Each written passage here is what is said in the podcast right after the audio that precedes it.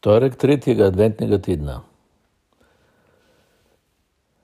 K zdravniku grem samo, če se zavedam, da sem bolan.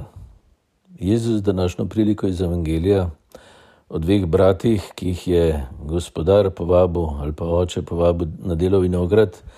In eden pravi, da bo šel, pa ne gre, drugi pa pravi, da ne bo šel, pa potem gre.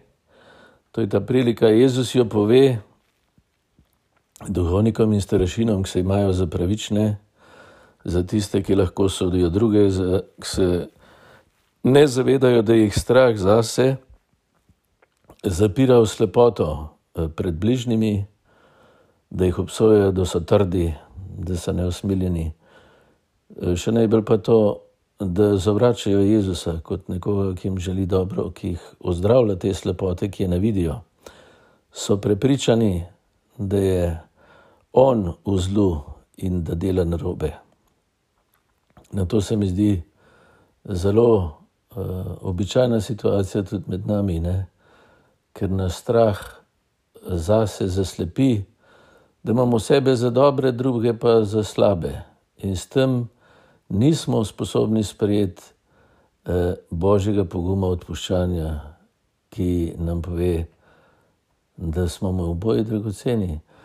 Uh, Bog mene kot trdosrčnega, ko sem kot eh, farizej, ko se imam za dobrega, uh, hoče spreobrniti, me ne prepusti samemu sebi. Zato mi pove to zgodbo, da bi tudi jaz pregledal, čeprav nimam Jezusa rad. Petr ga tudi ni razumel, ga tudi ni imel, ga je imel rad, ne, ampak ga ni razumel. Eh, farizeji so se pa počutili ogroženi od njega.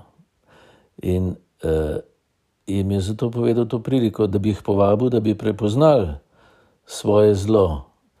Uh, ker največji greh je to, da mislim, da sem jaz dober, drugi pa vsi slabi. To je največja ječa mojega srca. In te ječe, strah jo pa samo veča in me dela nasilnega, da žrem eh, svoje življenje, pa življenje drugih.